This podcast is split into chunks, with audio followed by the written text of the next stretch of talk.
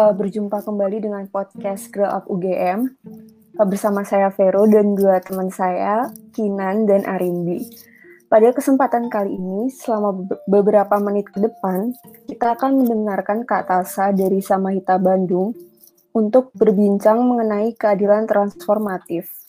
Jadi Samahita ini merupakan organisasi berbasis komunitas yang mengkapanyekan anti kekerasan dan pelecehan seksual. Dan untuk lebih lengkapnya lagi, kalau pendengar podcast Up UGM penasaran dengan Samahita, bisa mampir ke Instagram Samahita yaitu at samahita underscore bdg. Beberapa waktu ini, uh, sosial media ya diramaikan dengan diskursus terutama mengenai keadilan transformatif uh, sehubungan dengan fenomena kebrutalan polisi di Amerika Serikat khususnya terhadap orang-orang kulit hitam dan POC atau kulit orang kulit berwarna.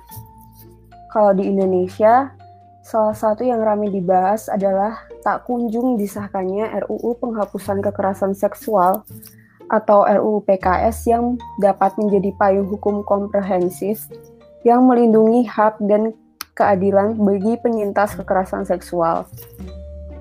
Selain itu juga, akhir-akhir ini sering kali penyintas kekerasan seksual uh, membagikan kisahnya tentang ke ke kejadian yang dialami mereka melalui media sosial. Uh, hal ini, kalau misalnya ngebaca dari komentar orang-orang di internet misalnya, ini terjadi salah satunya karena lambat atau bahkan tidak adanya tanggapan dari penegak hukum terhadap kejadian kekerasan seksual, walaupun penyintas ini telah melapor.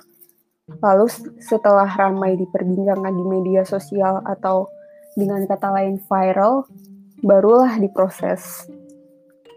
Keadilan transformatif ini lalu kemudian cukup ramai diperbincangkan sebagai sebuah respons, solusi, pencegahan, dan cara untuk mengakhiri kekerasan tanpa mereproduksi kekerasan. Untuk itu, mungkin bisa dimulai dari Kinan dulu. Uh, pertanyaan ke Kak Tasa. Oh ya, jadi pertanyaan yang pertama, um, jadi apa itu sebenarnya transformative justice dan bagaimana langsung jawab ya berarti oke okay, sorry um, ya keadilan transformatif itu yang udah tadi dijelaskan juga sama Vero soal gimana kita mencoba mengakhiri kekerasan tanpa mereproduksi kekerasan.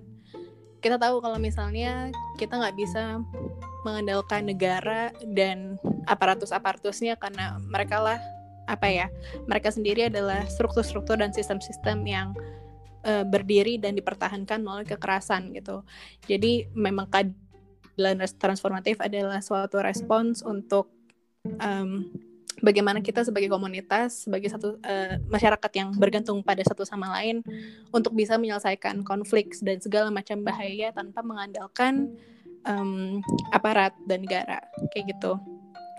Uh, cara kerjanya kalau misalnya respons transformative justice justice atau keadilan transformatif tuh um, ini bukan kita nggak bisa ngelihat keadilan transformatif sebagai sebuah alternatif dari hukuman dengan tanda kutip tapi um, yang dipentingkan dari keadilan transformatif adalah um, akuntabilitas yang nanti kita akan bahas lagi cuman yang perlu dipahami oleh dari keadilan transformatif adalah ini bukan satu solusi untuk segala macam bahaya atau kekerasan. Ini bukan suatu cara yang bisa diaplikasikan di segala macam kekerasan. Um, karena kita juga harus mempertimbangkan spektrum kerugian, ada batas-batasannya, um, kapasitas orang-orang yang terlibat. Tapi um, apa ya? Yang penting adalah bagaimana keadilan transformatif ini bisa memberikan keadilan bagi para korban atau penyintas yang sesuai dengan yang mereka mau gitu. Um, dan apa ya keadilan normatif juga nggak uh, mereplikasi logika pemenjaraan atau carceral logic di mana um, bentuk hukuman atas suatu perilaku buruk tuh apa ya saklek banget. Kayak misalnya uh, uh, misalnya apa ya misalnya um, perampokan um, hukumannya di penjara sekian lama di lokasi ini dimulainya saat ini yang jadi kan melihat segala macam bentuk kekerasan atau kerugian cuman satu jawabannya yaitu penjara. Dan ya udah gitu kan kalau misalnya keadilan transformatif ya kita dituntut untuk bisa lebih kreatif daripada itu. Yang beneran menghentikan kekerasan yang gak cuman membuang seorang atau segelintir uh, dalam tanda kutip oknum untuk menghentikan kejahatan tersebut gitu.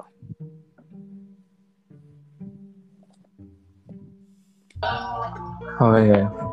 Jadi tadi kan udah dijelasin kayak definisi atas transformative justice.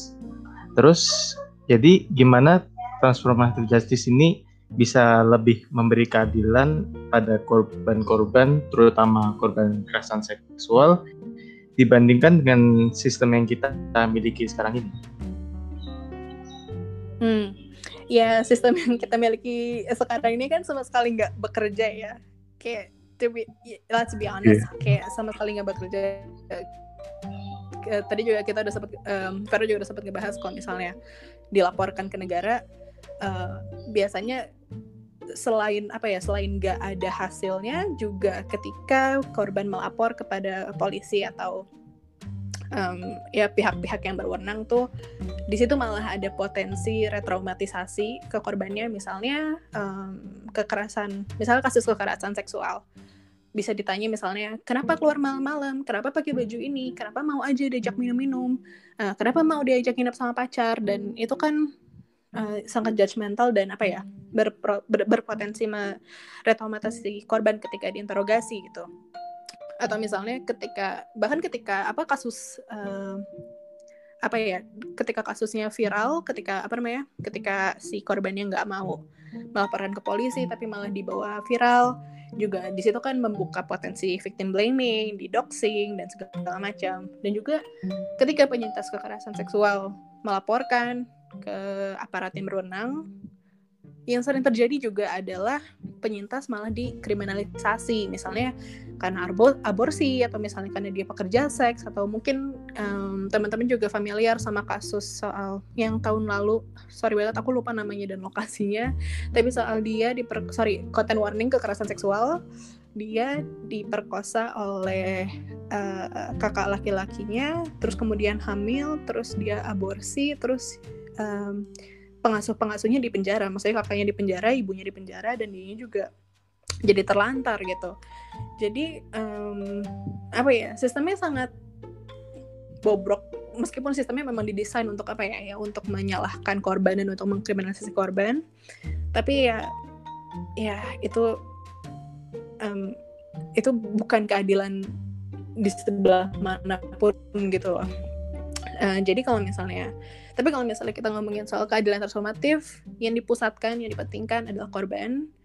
Uh, prioritas utama adalah selalu pasti pemulihan korban karena memang um, apa ya keadilan transformatif juga dibangun uh, praktik ini dibangun oleh um, penyintas-penyintas kekerasan seksual uh, yang terutama perempuan kulit berwarna gitu. Jadi um, apa ya? Ini memang memusatkan dia untuk bisa pulih dan juga meminta akuntabilitas dari pelakunya.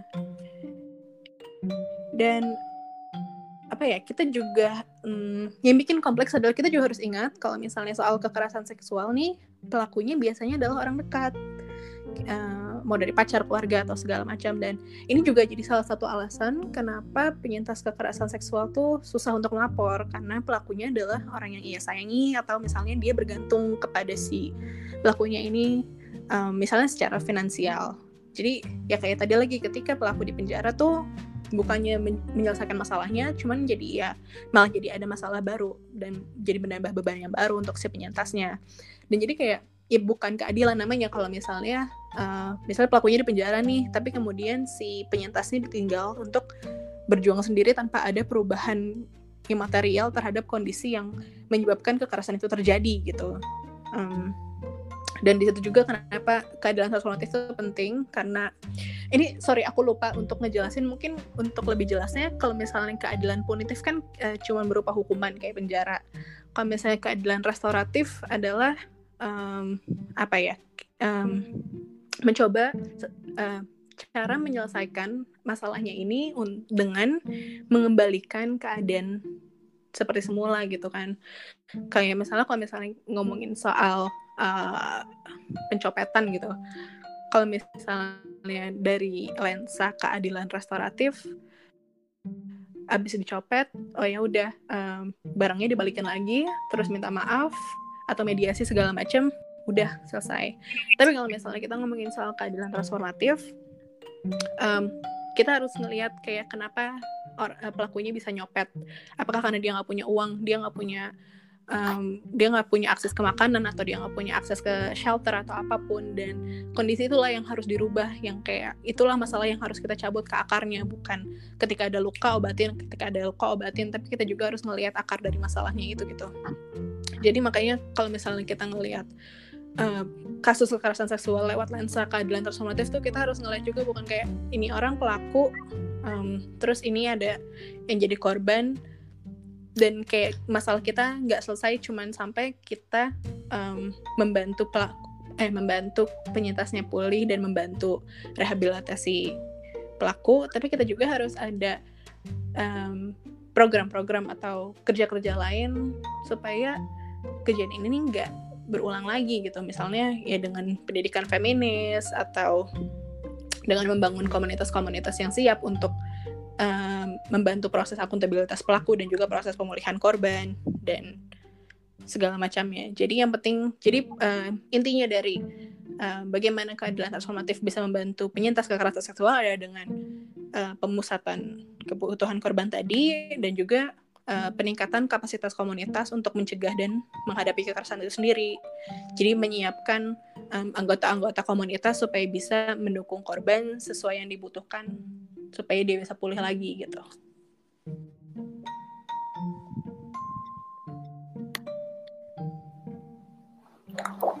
Kalau gitu uh, kita move ke pertanyaan selanjutnya ya kak.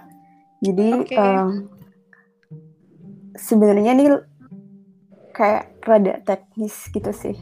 Apa yang akan dan seharusnya terjadi terhadap pelaku kekerasan yang berbahaya baik terhadap korban maupun orang lain. Uh, bagaimana transformative justice ini bisa mendisempower uh, abuser atau mereka yang melakukan kekerasan ini tanpa uh, aparatus sistem keadilan yang punitif uh, atau sistem karseral gitu deh. Bagaimana cara untuk menghalangi mereka menggunakan kekuasaan dan privilege-nya untuk mempengaruhi opini komunitas karena kan uh, sering kali abuser ini tuh uh, merupakan orang yang influensial gitulah di komunitas betul, misalnya pemuka pemuka agama gitu. Hmm.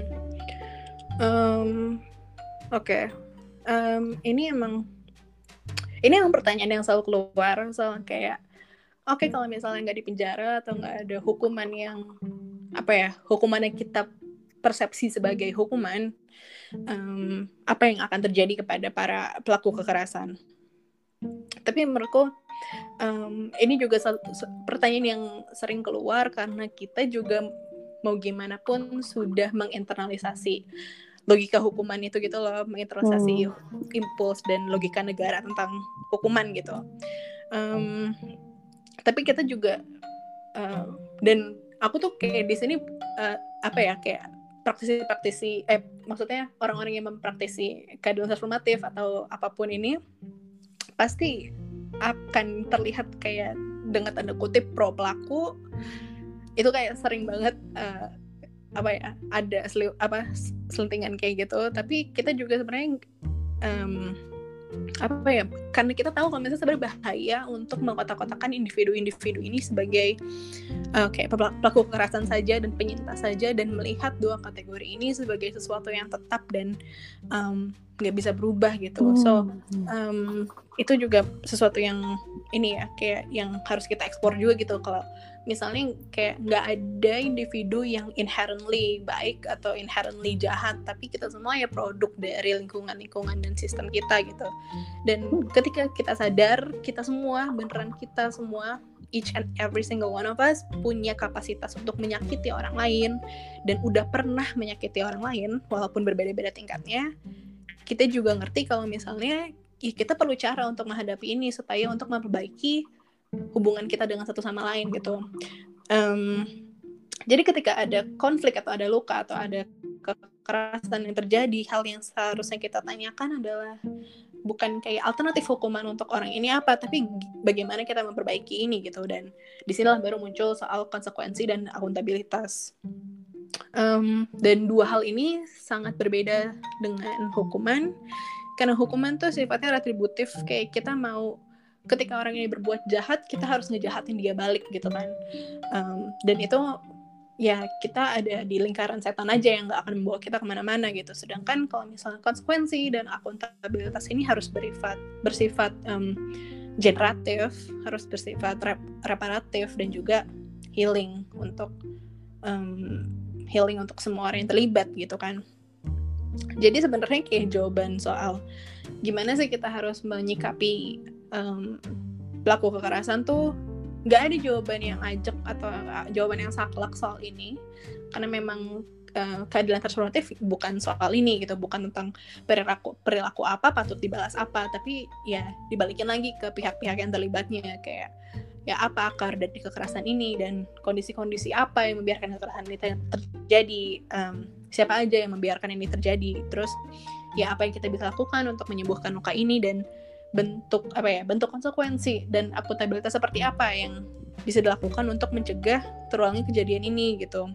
Terus um, soal tadi kayak misalnya pemuka agama atau apa memang uh, emang itu yang penting. Kalau misalnya orangnya memang di posisi yang atau mempunyai kapit sosial kapital yang tinggi gitu um, yang penting adalah menurutku adanya akuntabilitas komunitas supaya kita nggak mengindividualisasi masalahnya juga tapi karena ada komunitas yang menaungi pelaku ini dan memberikan dia kuasa akses um, dan juga membiarkan kejadian ini gitu.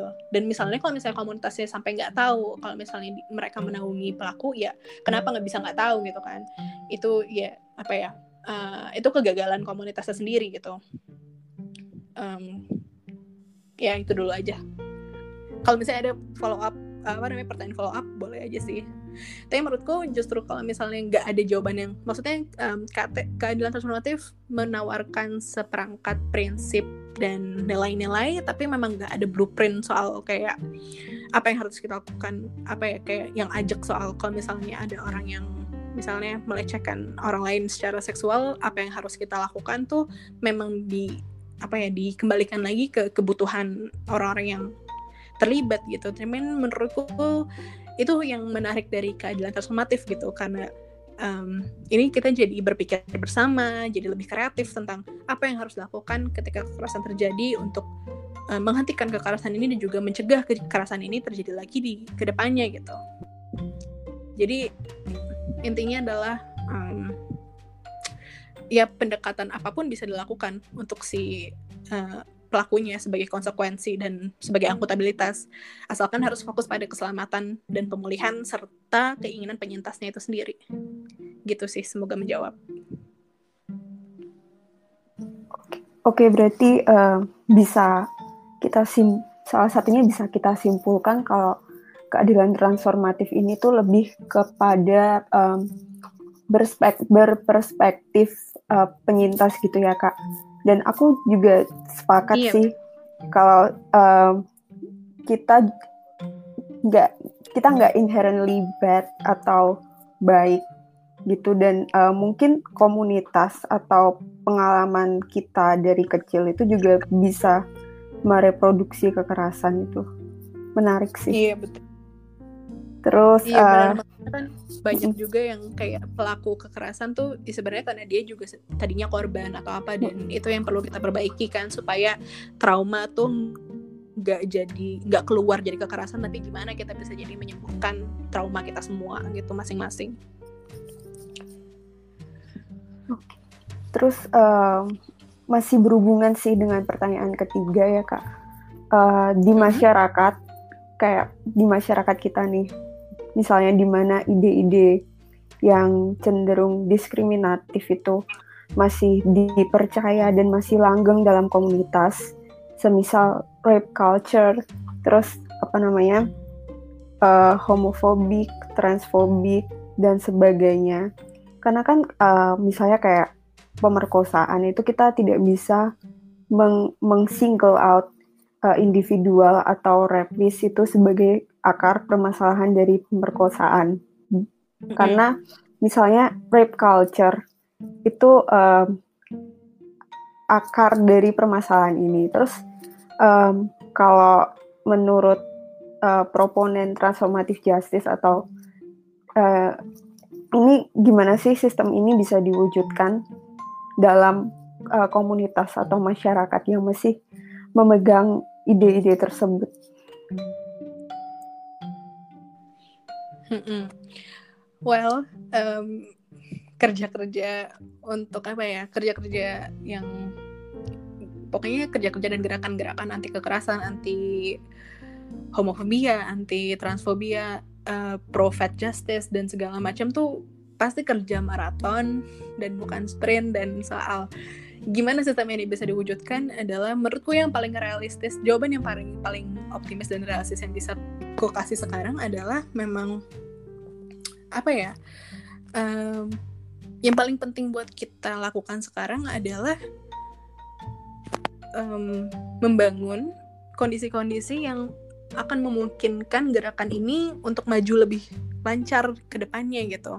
Jadi memang mungkin kita nggak akan bisa ngelihat masyarakat yang bisa udah apa ya fully implementing keadilan transformatif dan tanpa penjara dan tanpa pemolisinya dan tanpa hukuman di lifetime ini gitu. Cuman kayak buat sekarang menurutku masih banyak banget yang bisa kita lakukan gitu. Karena uh, maksudnya gerakan keadilan transformatif yang berakar dari gerakan abolisionis juga bukanlah gerakan baru gitu. Maksudnya dari dari masa perbudakan di uh, abad 15-16 juga gerakan ini udah mulai ada gitu. Jadi um, dan sampai sekarang kita belum berhasil untuk apa ya, belum berhasil untuk menciptakan si um, masyarakat yang bebas dari segala macam kekerasan ini gitu kan. Jadi um, menurutku di sini kita apa ya iya sedikit demi sedikit menghapuskan faktor-faktor yang mendorong dan menopang kekerasan tersebut gitu. Jadi uh, menurutku banyak banget kerja-kerja uh, keadilan formatif yang mungkin gak disebut keadilan transformatif tapi itu sebenarnya juga menopang kerja-kerja keadilan transformatif gitu kayak misalnya uh, ya ini berkomunitas untuk um, untuk membantu penyintas kekerasan seksual atau misalnya uh, gotong royong untuk menggalang dana untuk korban penyintas kekerasan seksual itu kan mak maksudnya salah satu praktek-praktek yang uh, menopang keadilan transformatif. Karena di situ juga kita ikut membantu untuk mengubah kondisi material kondisi hidup dari si penyintas uh, kekerasan ini gitu kan. Um, jadi apa ya dan menurutku juga di sini kita butuh imajinasi ini yang selalu keluar juga dari diskusi-diskusi dalam sama kita soal keadaan transformatif adalah memang kita nggak bisa ngebayangin gimana sih kalau misalnya kita fully implementing keadaan transformatif gitu. Cuman um, mengutip Saidia Hartman um, so much of the work of oppression is about policing the imagination dan menurutku kita emang kurang imajinasi aja soal soal apa ya soal konsekuensi soal akuntabilitas soal gimana sih kalau misalnya semua orang terpenuhi kebutuhannya dan nggak ada kekerasan kekerasan yang nggak perlu gitu. Karena mau um, apa ya uh, kita belum pernah hidup di dunia di mana kekerasan kekerasan ini nggak ada sama sekali. Jadi untuk untuk apa ya untuk ngebayangin aja susah apalagi untuk mewujudkannya gitu. Menurutku segitu. Jadi kayak yang penting adalah kita melakukan kerja-kerja kecil itu dulu dari diri kita sendiri dari komunitas kita sendiri dan jangan matiin imajinasi kita soal dunia seperti apa sih yang sebenarnya pengen kita wujudkan gitu. Meskipun kita masih kesulitan untuk membayangkannya atau apa ya ya itu untuk bekerja sampai ke situ gitu Iya, okay. lanjut ke pertanyaan selanjutnya kak. Uh, Oke. Okay. Dengan kondisi masyarakat akhir-akhir ini yang terlihat cenderung individualis, menurut Kak Tasa, bagaimana cara kita dapat mewujudkan transformative justice secara praktis? Hmm. Um, mungkin pertanyaanku lebih ke masyarakat mana yang cenderung lebih individualis dulu kali ya. Soalnya kalau misalnya um, kalau sepengamatanku selama pandemi ini itu banyak banget usaha um, mutual aid atau gotong royong yang dilakukan um, sesama kelas pekerja atau sesama kelompok queer atau sesama buruh, sesama penyintas dan kelompok termarginalkan lainnya gitu ya jadi kalau misalnya di Bandung aja banyak banget dapur umum um, kayak misalnya dari aksi Taman Sari sama LBH terus ada yang bikin community garden atau bagi-bagi hasil tani dan aksi untuk menjegal omnibus law sama aksi untuk mendukung RUPKS juga masih jalan. Jadi ya um, ini juga apa ya uh, ketika pandemi malah sepengamatanku people are showing up for each other now more than ever. Jadi menurutku tuh malah ketika di pandemi ini malah jadi apa ya malah jadi semangat baru dan jadi optimis baru gitu loh. Soalnya oh kita tuh bisa gitu saling bantu satu sama lain. Kita bisa nggak uh, apa namanya nggak bergantung pada negara karena iya ya kita tahu sendiri lah apa yang negara lakukan selama pandemi yaitu nggak ada. Jadi um, itu tuh udah merupakan praktik-praktik uh, keadilan normatif yang praktis juga praktis juga gitu menurutku yang bisa kita lakukan sekarang. Sesimpel uh, berdonasi ke orang-orang yang lebih membutuhkan daripada kita gitu ketika kita mampu. Um, terus kalau misalnya secara praktis uh, kita mulai dari diri sendiri atau ke teman-teman kita aja ya salah satu praktik uh, keadilan relatif yang sangat penting adalah soal akuntabilitas dan ketika kita ngomongin soal konflik dan akuntabilitas dan konsekuensi itu memang kedengaran serem. Karena buat kita semua kata-kata ini konsekuensi akuntabilitas tuh sama dengan hukuman. Dan ya mau nggak mau ya kita juga karena kita hidup di sistem yang opresif juga ya apa pun uh, konsekuensi atau itu pasti kedengarannya seperti hukuman gitu. Dan uh, menurutku uh, apa ya ini praktik yang sangat penting untuk apa ya bisa kita praktik dan keterampilan yang penting untuk kita kuasai supaya kita bisa lebih mudah mengimplementasikan keadilan transformatif di aspek-aspek hidup yang lain gitu. Kayak contoh kecilnya aja ya, misalnya ketika kamu ada konflik sama temen, um, apa yang kita lakukan? Biasanya kalau misalnya sama temen ya kita bisa ngobrol kan, kita bisa mm, memberi nama ke masalahnya, kita bisa ngomong soal mereka eh ngomong soal apa perasaan kita ketika mereka ngelakuin hal itu.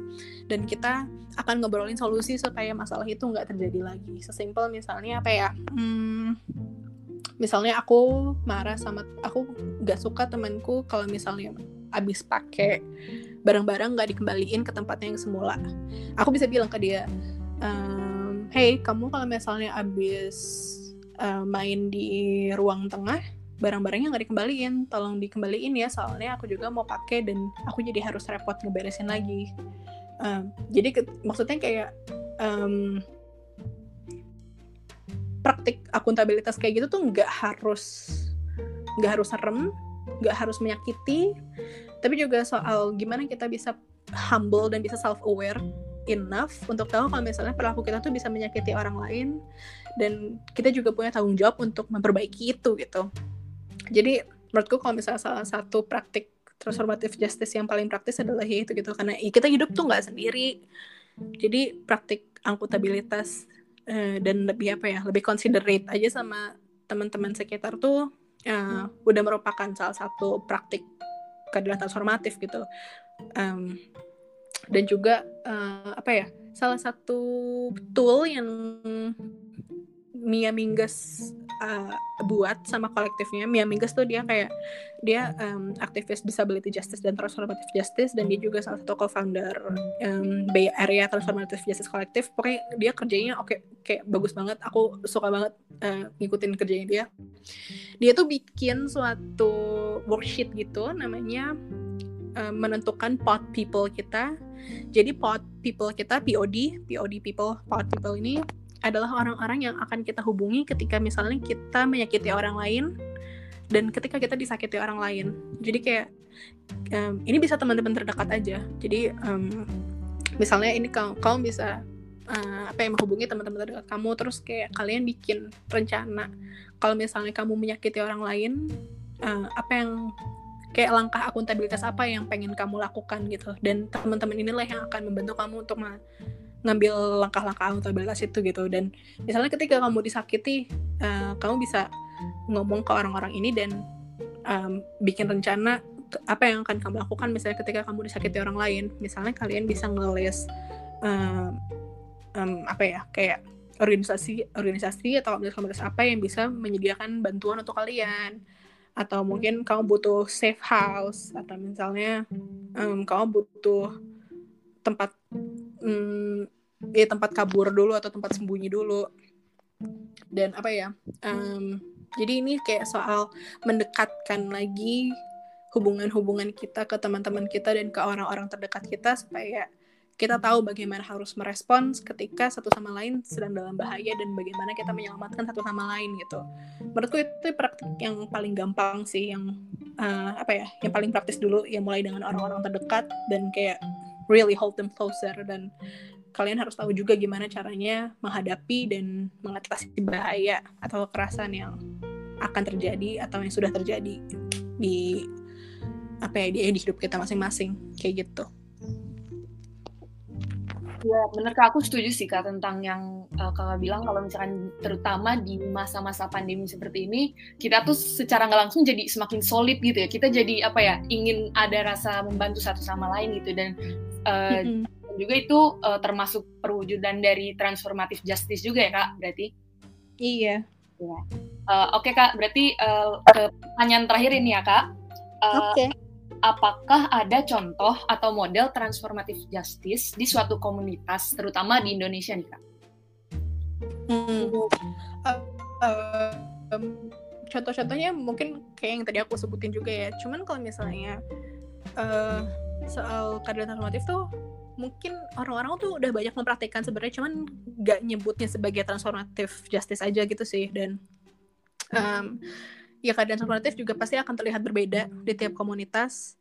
Um, tapi yang apa ya komunitas-komunitas yang pasti mempraktikkan transformatif justice itu adalah komunitas-komunitas yang termarginalkan oleh negara misalnya kayak ya komunitas masyarakat adat yang komunitas queer komunitas penyintas atau perempuan apalagi ya kayak banyak banget kan kalau misalnya komunitas perempuan yang apa namanya yang mengatasi soal kekerasan ini mau dalam pacaran dalam rumah tangga atau dalam tempat kerja. Dan itu tuh sebenarnya sudah merupakan suatu praktek keadilan transformatif in itself gitu loh karena mereka membangun komunitas untuk mendukung satu sama lain di luar negara um, karena segala macam intervensi yang, memat yang memastikan keselamatan penyintas kekerasan tanpa melibatkan negara tuh uh, menurutku udah termasuk praktik keadilan normatif gitu.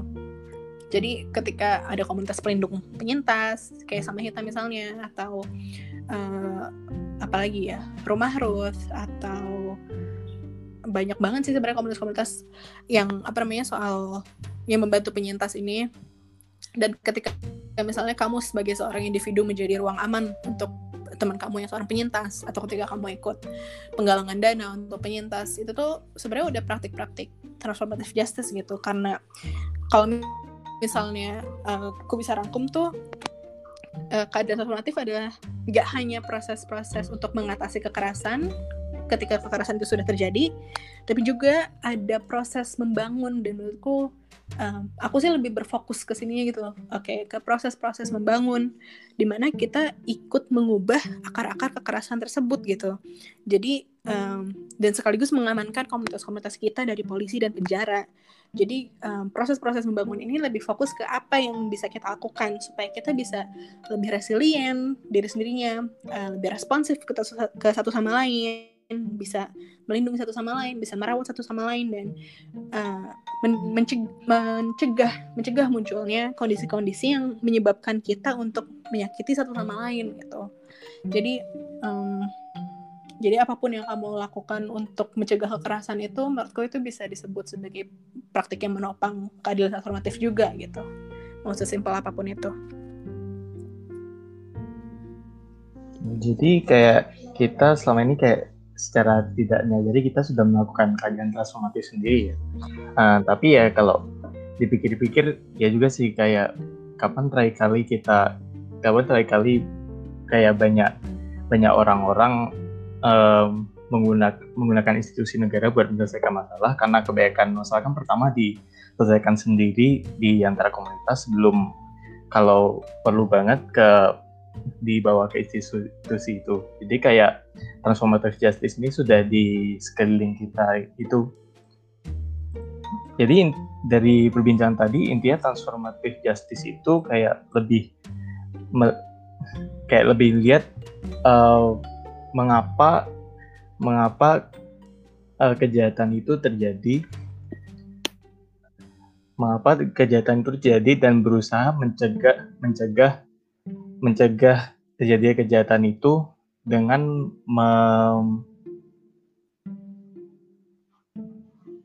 dengan me, me, seperti men, mencegah kondisi-kondisi yang membuat kejahatan itu terjadi ya.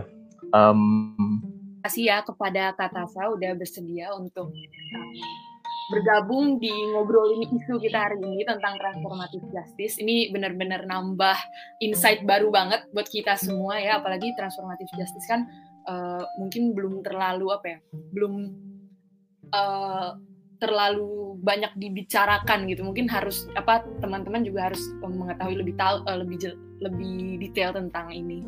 Uh, Oke, okay, terima kasih Kak Tasa atas waktunya dan teman-teman uh, jangan lupa untuk dengerin Spotify Girl Up UGM dan di situ ada ngobrolin isu, ngobrolin isu lainnya dan temanya menarik semua dan pastinya insightful. Oke, okay, kami uh, dari Girl Up UGM, saya Arimbi dan Veronica dan Kinan undur diri ya. Terima kasih. Terima kasih semua. Terima kasih Kak.